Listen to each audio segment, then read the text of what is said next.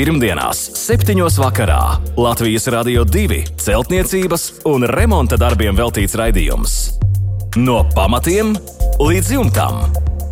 Ar padomiem un atbildēm uz klausītāju jautājumiem Latvijas Rādio 2 studijā - tehnisko zinātņu doktors, būveksperts Juris Biršs. Sveicināti! Studijā Inese un kā katru pirmdienas vakaru šajā laikā pie jums dodas raidījums no pamatiem līdz jumtam. Šovakar attālināti atbildes uz jūsu iesūtītajiem jautājumiem ir sagatavojis būveksperts, tehnisko zinātņu doktors Juris Biršs. Labvakar, Birškungs! Labvakar! Arī šoreiz mums dominē mūsu klausītāju jautājumu un vēstules par ēkas siltināšanas iespējām un arī siltināšanas materiāliem. Sāksim ar Astras vēstuli. Astrai ir Līvāna māja, māja ar pagrabu. Pirmais stāvs apmūrēts, logi nomainīti, jumts nomainīts, nosiltināts, noeja uz pagrabu, no pirmā stāva arī aiztaisīta. Otrais stāvs ir nosiltināts ar akmens vati un vagondēļiem, bet pirmajā stāvā ziemā ir ļoti augsts, jo no pakojuma nekas nav palicis pāri. Kā siltināt, jautā Astra. Ko darīt? Kā iesākt šos siltināšanas darbus, lai nākamajā ziemā būtu silti un mājīgi? Jā, nu, šī ir tā sakot, kārtējā Līvāna mājas siltināšanas gadījums. Man liekas, ka atbildi, nu, nevāku jums momentā visu tam precīzi pateikt, jo tas būtu jāredz. Bet man ir aizdoms par to, ka mēs izskatām pirmo teikumu, jo mājai ar pamājai ar pagrabu pirmais stāvs apmūrēts. Lūk, šajā vārdā pirmais stāvs apmūrēts. Nu, mēs saprotam, Līvāna māja, tātad viņas koku bāzes dibināt un šiem, um, šiem e, saliekamiem elementiem, un viņi ir apmūrēti. Un pie, viss ir nosiltināts, un, bet pirmais stāvs ir augsts. Es teiktu tā, ka ir gaisa šķirkārta, pirmā stāva līmenis starp apmūrējumu un um, pamata līvāna mājas konstrukciju. Tur ir gaišs sprauga palikusi vaļā, un šī sprauga jums ir jālikvidē. Tiklīdz jūs likvidēsiet gaisa, gaisa spraugu, gaisa nebūs vairāk. Tas jau neuzkrāsies, nebeidosies kondensāts, nebeidosies mitruma zonas, un jums paliks siltāks. Jā, paldies, Biržkungs, par atbildi Astrai. Turpināsim ar Aivija vēstuli. Plānoju siltināt gāzbetona māju ar 150 mm akmens vati. Ir paredzēts, ka mājai būs ventilējama fasāde, jo to montēs uz koka karkas. Un jautājums Raivim ir šāds: vai pareizāk būtu siltināt māju, ieklājot vati vienā 150 mm biezā kārtā starp karkas konstrukcijām, vai arī pareizāk būtu siltināt divās kārtās - 100 plus 50 mm. Abas kārtas novietojot perpendikulāri pāri vienu otrai? Šāds ir pirmais raivi jautājums. Lūdzu, Bieškungs, jūs atbildat. Jā, es saprotu, mēs esam bieži jau par to runājuši, ka jebkurā gadījumā daudz slāņu siltinājuma kārta ir efektīvāka racionālāk un efektīvāk nekā, teiksim, vienā kā biezā kārtā uzstādīts siltumizolācijas materiāls. Bet šai gadījumā es gribētu ieteikt raivim sekojuši jums vajadzētu visu mājas fasādi eh, teiksim, noklāt ar un dabūt klāt tātad ar 100 mm uh, vatas kārtu. Un tikai pēc tam likt virsū piespiežot, nedaudz piespiežot, likt virsū koka karkasu. Tad mums arī tā tagad starp koka karkasu un starp sienu nu, paliks zināms vates daudzums. Un pēc tam otro vates kārtu, šai gadījumā raivs ir 50 mm, mēs varētu likt perpendikulāri un jau starp koka konstrukcijām. Tādā gadījumā mēs izbēgam no augstuma tilta. Ja mēs liksim klāt koku pie pašas pašas mājas sienas veidosies, tāpēc, ka koks, lai cik ar nebūtu siltumu, augsts, ar augstu siltumu pretestību, tas tomēr nav akmens vati. Un šajā vietā veidosies visur, kur būs karkas, veidosies augstumtilts. Tādā veidā mēs apējam to. Jā, paldies. Un vēl Raivis jautā, mājas konstrukcijās vienmēr starp koka un gāzbetona virsmām tiek ieklāts ruberoīds vai tam līdzīgs atdalošs materiāls, vai arī fasādes karkas pirmo kārtu būtu jānorobežo no gāzbetona sienas. Jā, nu, redziet, pilnībā atsaucās ar to, ko es tikko jau teicu. Protams, ka būtu jānorobežo, bet tā kā mums būs starpā jau vate, tad viņa nav jānorobežo. Un tādā mēs apējam šo, šo jautājumu pilnīgi dabiskā ceļā. Jo, teiksim, veido šīs uh, ruberoida loksnes zem koka sasaistīts ar, ar, ar sienu, nu, tas nav, tas ir darbietilpīgi un nav arī racionāli. Paldies par atbildi Raivim. Arī Rēnim ir vairāki jautājumi. Rēnim ir nepieciešams padoms ēkas siltināšanā un apdarē. Izdeču betona ēka, 30 cm biezas sienas, vēlos siltināt no ārpuses ar akmens vati un veidot koka fasādi. Kāds būtu minimālais nepieciešamais vates biezums?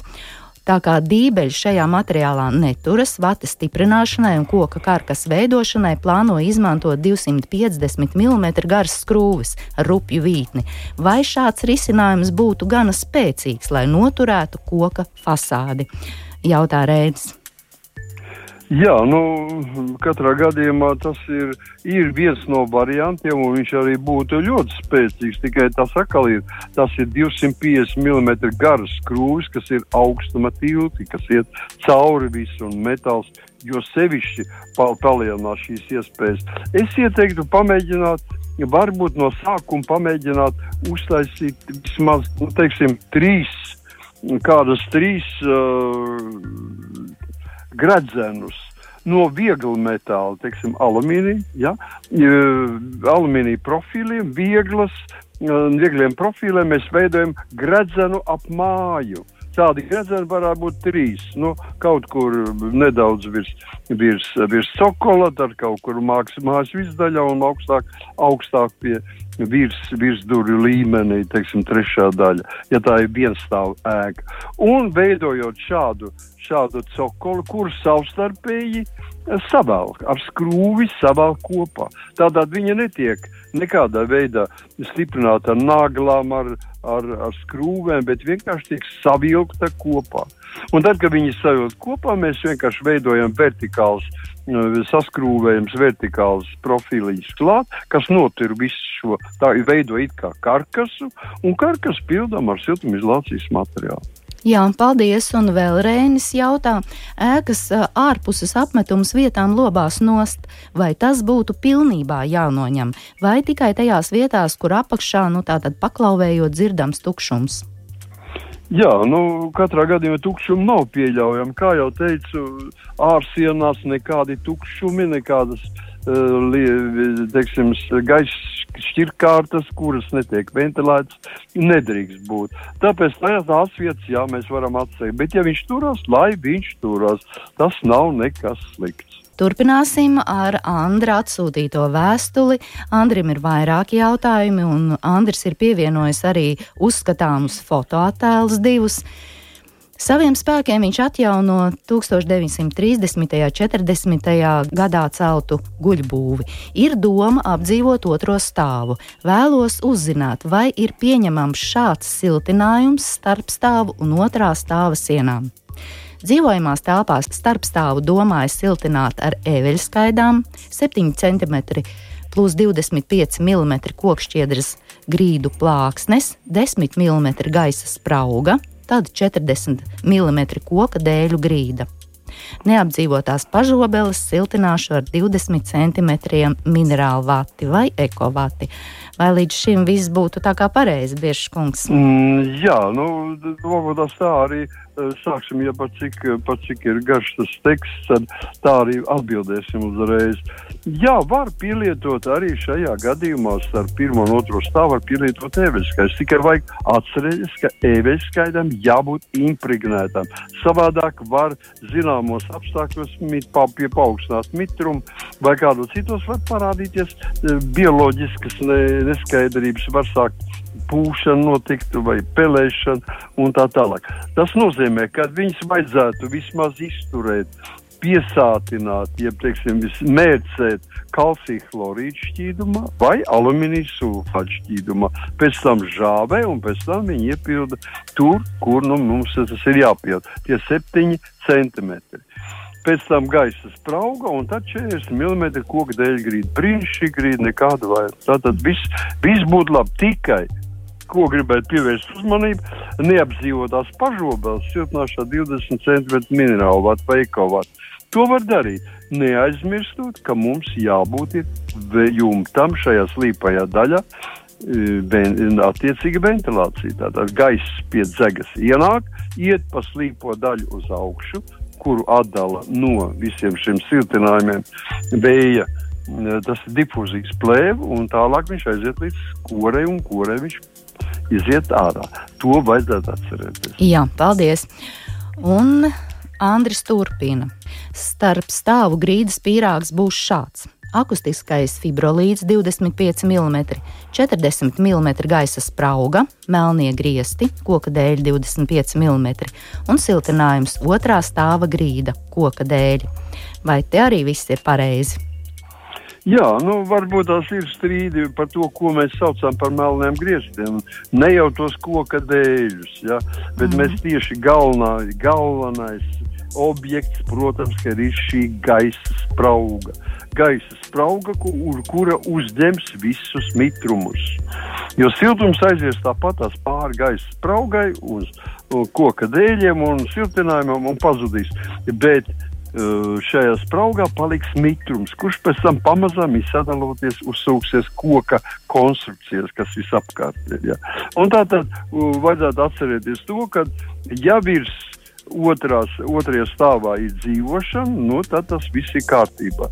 Teiksim, tie, tās uh, gaisa spraugas, jā, melnie griezti, siltinājums un otrā stāva grīda. Virs, tātad, virs vates līdz otrā stāva grīdai nu, vajadzētu vismaz viens 30 līdz 50 mm gaisa spraugu atstāt, Jā. kura ventilējas kaut kur sānos. Mhm, -huh, jā, paldies.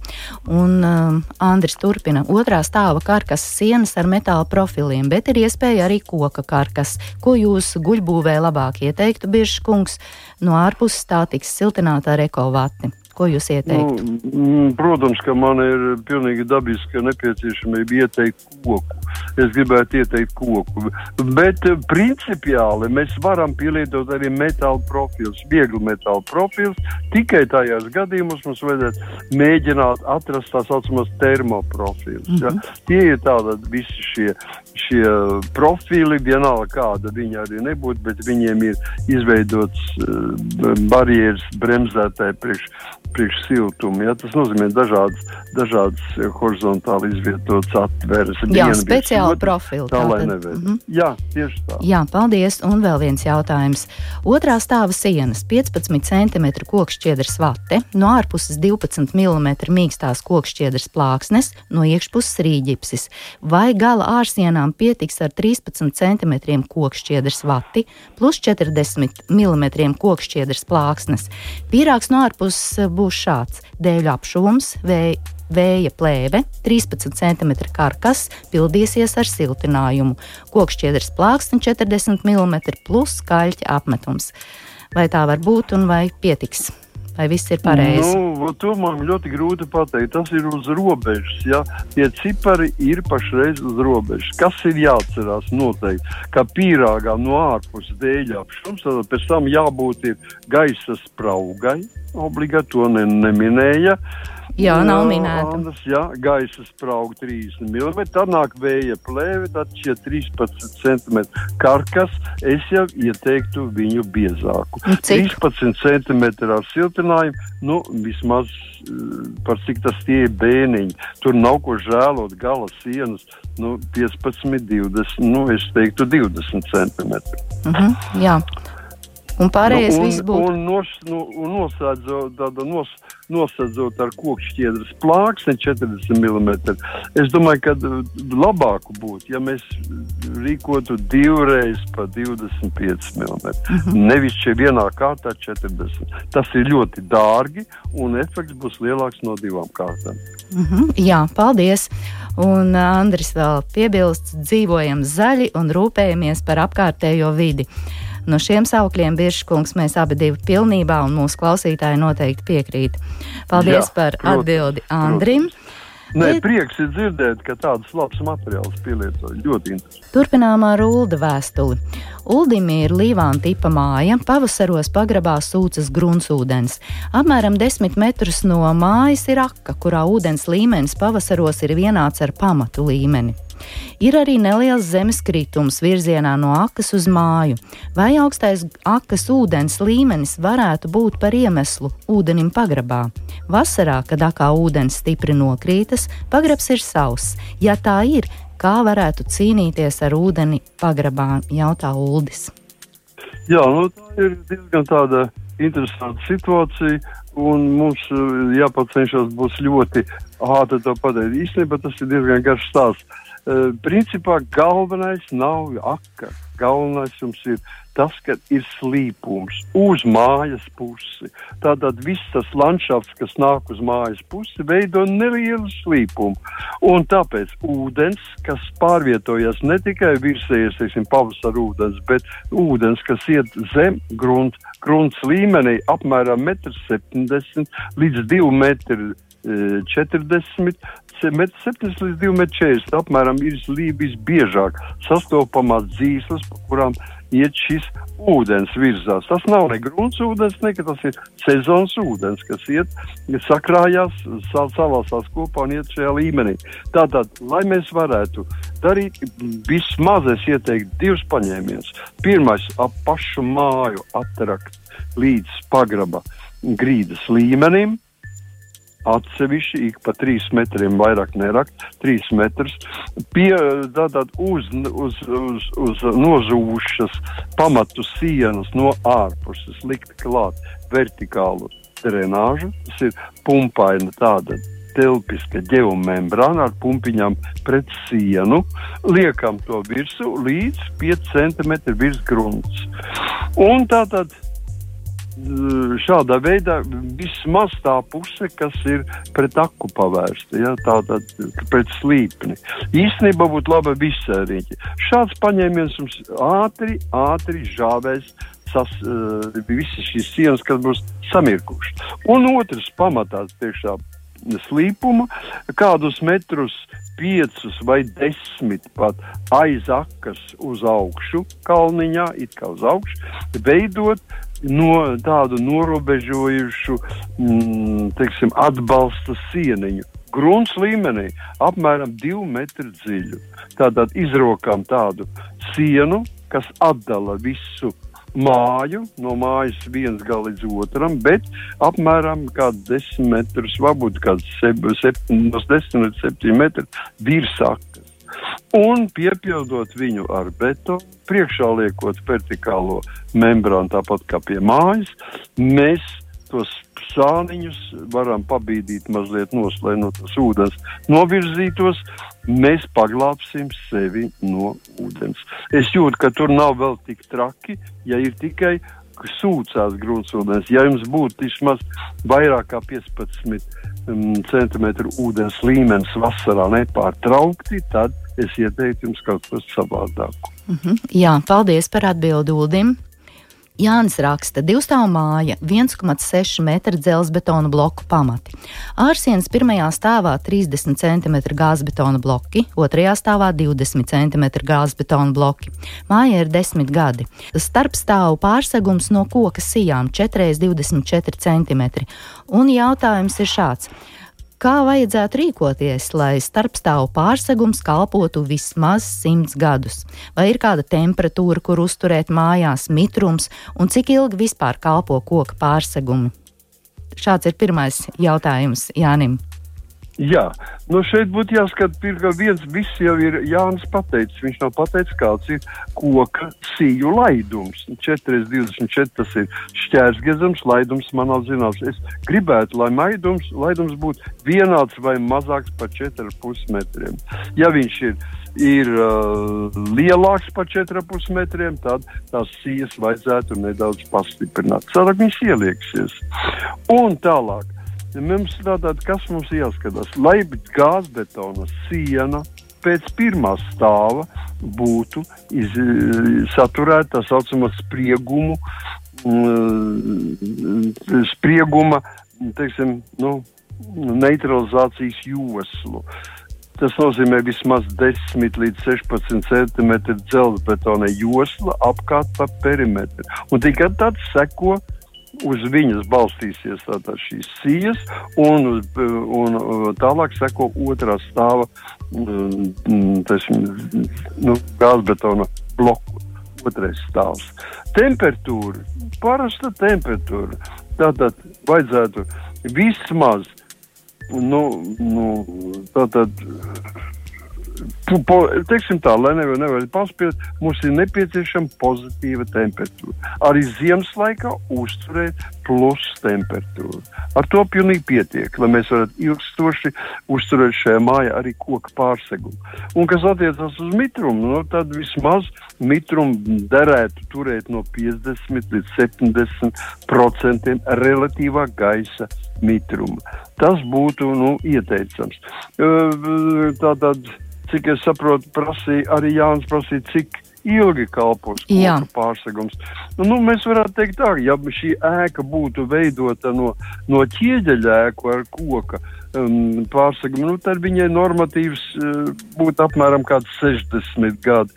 Bet tā kā šī ēka veidot no gāzbetona, tad uh, normatīvais, teiksim, ilg, ilglaicīgums šādos, šādos gadījumos varētu būt mazāks - apmēram 50 gadi.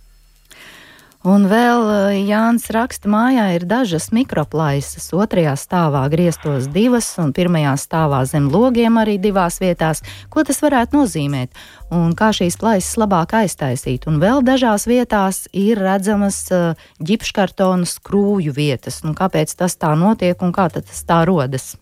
Jā, nu tie ir tādi raksturīgi, kas uh, gadījumi, kuru tomēr katru risina atsevišķi. Jau tāpat vienkārši pa telefonu mums būs ļoti grūti kaut ko precīzi noskaidrot.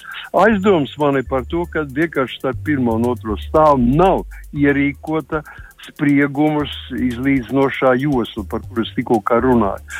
Vai arī viņa nav pietiekoša. Un tāpēc varētu rasties kaut kādas deformācijas un parādīties plaisas. Tāpēc, ka gāzbetons nav konstruktīvs materiāls un pie mazākās sloslodzes, sevišķi modernie gāzbetoni, ja tātad pie sasniedzot slodzi kaut kur 2,5 vai 3 megapaskali, praktiski var parādīties plaisas. Kas attiecas par tām ģipškartonu skrūvju vietām, tas var, ja viņas nav izspiedušās uz ārī, tikai redzamas, tur parādās kā.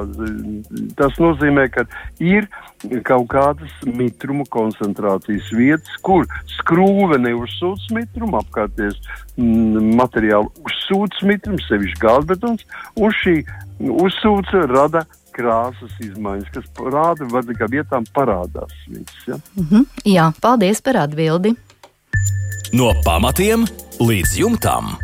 Miks mums jautā un stāsta, ka viņš atjauno koka guļbūvi, kura celta no tēstiem baļķiem. Vēlos iekšpusē izveidot taisnas, līdzenas sienas un jautā, kā to labāk paveikt. Un šāda informācija ir mājas ārpus apmūrēta ar ķieģeli, vietām ir gaisa sprauga, vietiem ķieģeļi ir sagāzušies arī pret sienu. Būtu viss jāmaina, tāpēc eh, aizpūšot šo spraugu šobrīd, nu, tas nebūtu racionāli un kādu laiku arī šī sprauga paliks. Guļbūvas sienas no iekšpuses šobrīd ir apšūtas ar melno vēja barjeru. Bija plānojis sienu izlīdzināt ar metāla profiliem, savilkt ar elektroinstalāciju, tad kā papildus siltināšanai tukšumu aizpildīt ar akmens vati pa virsmu divās kārtās ģipškartona plāksnes. Bet, noklausoties jūsu raidījuma arhīvus, sapratu, ka šāds variants nav ieteicams, jo tad obligāti jāliek tvaika plēvi. Vai ir kāds cits risinājums, kurš būtu paveicams uh, paša spēkiem un arī neprasītu lielus finanšu līdzekļus? Jūsu ieteikumos bieži esmu dzirdējis par kokšķiedru plātnēm un ekovati, bet tad paliek neskaidri šādi jautājumi, vai paša spēkiem aiz šīm plātnēm ekovati ir iespējams iepildīt, un kāda ir plātņu izturība salīdzinājumā ar ģipškartonu divās kārtās, vai tajās varēs stiprināt, nu, piemēram, elektrības rozetes, ir jau iegādāti ģipškartona metāla profili vai kokšķiedru plāksnes, pie tiem var stiprināt daudz jautājumu, laikam jāsāk pēc kārtas ar visu. Jā, nu, es domāju, ka, kad, nu, protams, tas ir ļoti žēl, ka ne, nav iespējams uh, siltināt tieši šo gaisa spraugu. Jā, tur ir ķieģelis, ir deformējies, iekritis uz iekšpusi. Protams, ka tas būs prasīts zināmā laikā. Tas nozīmē, ka sienu var siltināt un veidot tikai no iekšpuses.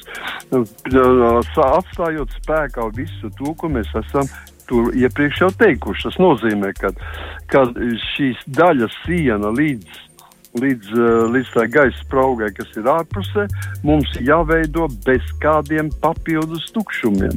Tātad, ja es dzirdēju, kad ir uzlikts virsū vēja barjera, tātad plēve, briko, viņa, un, un, un jāskatās, lai uzliekot šo plēvi, neveidotos aiz plēves apslēpti gaisa tukšumi. Tas ir pats galvenais. Ja. Tas ir viens tālāk. Protams, kad mēs veidojam karkasu, es teiktu, no koka varētu veidot karkas un to aizpildīt ar ekovati. Akmens vati, protams, prasīs plēvi. Tāpēc es esmu par to vēlreiz, lai mēs, mm, silt, lai, teiksim, miks siltinātu ar ekovati vai ja nu tiešām negrib nekādus šos ekovati vai pielietot kaņepai vati, kūdras vati vai koka vati, kas, nu, ir nedaudz tikai varbūt dārgāka par par šo no apmēram ekovatas līmenis. Un, ko, kas attiecās uz pašu spēku iespējām iestrādāt, tas ir visā pilnībā. Šo ekovati var, var iestrādāt ar pašu spēkiem, izīrējot no šīm organizācijām, kas to dara. Centralizēti, izīrējot vienkārši to iekārtu. Iekārta ir ļoti vienkārša. Tur nekā nav maisītājs tverte, kurā samaisa šo saplucina vēl samaisa šo ekovati un zem spiedienu padod. Un iepūš tur, kur tas ir nepieciešams. Pie tam jūs varat mainīt spiedienu palīdzību, mainīt nopakojuma blīvumu. Ja. To var ierādīt, parādīt jums, mm -hmm. un, un to var izdarīt arī ar pašu pats saviem spēkiem. Kas attiecas uz, uz uh, mehānisko izturību, tā ir pilnīgi pietiekoša, lai tajās varētu stiprināt elektrības rozetes. Jā, un ir jau iegādoti ģipškartona metāla profili vai kokšķiedra plāksnes pie tiem var stiprināt. Jā, Kokšķieru plāksnes, kokšķieru plāksnes pie šī karkas, kur būs izveidots, kur būs piepildīts ar ekovati un noslēgts ar mīksto kokšķieru plāksni, varēs, varēsīt ļoti elementāri uh, ar skrū, pieskrūvēt vai pieskavot lūt šo ģipškartonu metāla profilus. Mm -hmm. Un sākumā vēl uh, bija jautājums Mikam no iekšpuses izveidot taisnas līdzenas sienas. Kā to labāk paveikt? Nu, redziet, tad, ja mēs izšūsim viņas no ar mīkstām kokšķieru plāksnēm, kuras ir e, līdzenas, līdzenu virsmu un kurām ir visapkārt pa perimetru ir spundas e, stiprināta, spundas e, rieva. Ja? Tas nozīmē, ka mēs varam ļoti precīzi salikt un varam liekot virsmu montējot šīs, montējot šīs plāksnes mēs varam izveidot ļoti līdzenu sienu. Jo tālāk uz šīs sienas mēs, mēs eh, pieskavosim klāt džuta saudumu tīkliņu un uz šo tīkliņu plānu 1-2 mm biezu, teiksim, mm, krīta apmetu. Jā, atvainojos, eh, kaļķa. Kaļķi, elpojoši skaistu kaļķa apmetumu. Jā. Jā. Paldies par atbildēm Mikam. Vēl mums ir Andra jautājums. Kāda būtu labākā pirts ventilācija? Svaigā gaisa pievadīšana visās pamācībās ir pie krāsnes, bet gaisa izvade dažos avotos ir pretējā sienā netālu no grīdas, bet citos variantos pie griestiem. Jā, tā vietas, kur jūs to pieaugat, nav tik svarīgs. Es gan nebūšu, ne, ne, nepiekritīšu Andriem, ka gaisa noteikti jāpievad pie krāsnes. Vislielākais daudzums, es domāju, ka svaigu gaisu pievad caur durvīm. Ir pat speciāls tāds caurspīdīgs durvis. Durvju apakšējā daļā ir gaisa ievadīšanas atveres, kuras var regulēt. Tātad ienāks svaigs gaiss iekšā tvaicēšanas uh, telpā tieši caur durvīm. Viņš virzās. Un tagad kādai jābūt pirtī. Ļoti ātri runājot, tātad pirts telpa ir visas sienas un griesti ir nopakoti ar siltumizolācijas materiālu. Virs viņa atrodas folija. Tātad īsta metāla plāna folija. Spīdīgi, viss ieejot iekšā šādā pirtī, šādā telpā mēs visi jūtam, visi tā kā sudrabā. Pēc tam ir dub, dubulta gaisa, gaisa tātad šīs apšuvums, kas veido it kā gaisa kameru riņķi. Apmēram, nu, teiksim, cik tur sanāks, šeit, cik ir latas biezas, un lai mēs varētu vertikāli celties gaisa uz augšu. Ja? Tātad, un šīs, lat, šī, šī iespējas ir tas, ka mēs veidojam kasti, uh, telpā. Un šī, šī kaste ir piepacelta pa 7-8 cm no grīdas līmeņa. Tātad svaigais gaiss iet iekšā spraugā, ceļās uz augšu, un augšā viņu, viņam ir atvere, kuru varam sēžot uz lāvām regulēt ar roku. Ja? Tātad vairāk vai mazāk, un vai noslēgt vispār. Vai, teiksim, ja mums pārāk daudz sanāk šausmīgs karstums, mēs to karstumu aiz, izdzenam ārā. Lūk, tādā veidā jābūt organizētai šai gaisa ventilācijai. Jā, paldies par atbildi Andrim. Raivis atjauno vecas ēkas, malkas šķūni un klēti, grib no ārpuses apsist ar saplāksni. Jau ir iegādāts 8 mm mitruma izturīgais finieris. Kā pareizi uzlikt finiera plāksnes, jautā Raivis. Esmu dzirdējis, ka starp plāksnēm vajag atstāt vienu centimetru spraugu starpu. Kas vēl būtu jāņem vērā, lai finieris ar laiku nesāktu pelēt un arī bojāties citādā veidā? Jā, nu tas ir skaidrs, ka saplāksni mēs nevaram naglot, skrūvēt vai skavo, skavot pie, pie materiāla cieši klāt. Tātad mēs varam tikai veidot tā saucamo iekarināmo fasādi. Tas nozīmē, ka mums jāveido apakšā iespēja gaisam paiet zem plāksne, zemes saplākšņa, celties uz augšu un, un tādā veidā nonākt teiksim, līdz, līdz augšējai, augšējam, augšējam, teiksim, augšējai vietai, kur viņš var iziet atkal ārā. Starp plāksnēm pilnīgi piekrītu, ja jums ir 8 mm, tad principā vienmēr arī veido spraugas starp viņiem, viena plāksne otras, centimetrs vai 8, 8 mm. Apmēram tik, cik biezi ir plāksne, tik biezi ir arī sprauga. Jā, paldies par atbildi Raivim, un noslēgumā vēl Naura vēstuli. Likšu mājas žalūzijas, raksta Nauris. Pārsedzēs virs logiem jāieskrūvē divi dībeļi, vai tas nepasliktinās pārsedzes īpašības? Nu, jebkurā gadījumā pasliktinās, tikai mēs nezinām, no kāda materiāla ir pārsēdz. Vai tas ir koks, vai tas ir metāls, vai tas ir dzelzbetons, vai vienkārši viegli betons. Tas ir, ja? ja tas ir viegli betons, tad ir jādomā, vai mēs to drīkstam likt iekšā. Teiksim, ir, tā ir FIBO tipa pārsēdze no keramzītbetona, tad mēs nedrīkstam to likt. Viņš nav domāts šādā veidā, jo, teiksim, pār šīs žalūzijas varētu būt arī ar zināmu masu. Ja tas ir dzelzbetons, ja tas ir koks vai metāls, tad tas mm, nemaina. Tādā gadījumā mēs varētu, teiksim, praktiski tas nepasliktina. Jā, paldies par atbildi Naurim, un paldies, Biržkungs, jums šovakar par darbu, jo mūsu raidījums tuvojas izskaņai. Vēl tikai atgādināšu mūsu e-pasta adresi remonts at lr2.lv. Sūtiet jautājumus, pievienojiet fotoattēlus.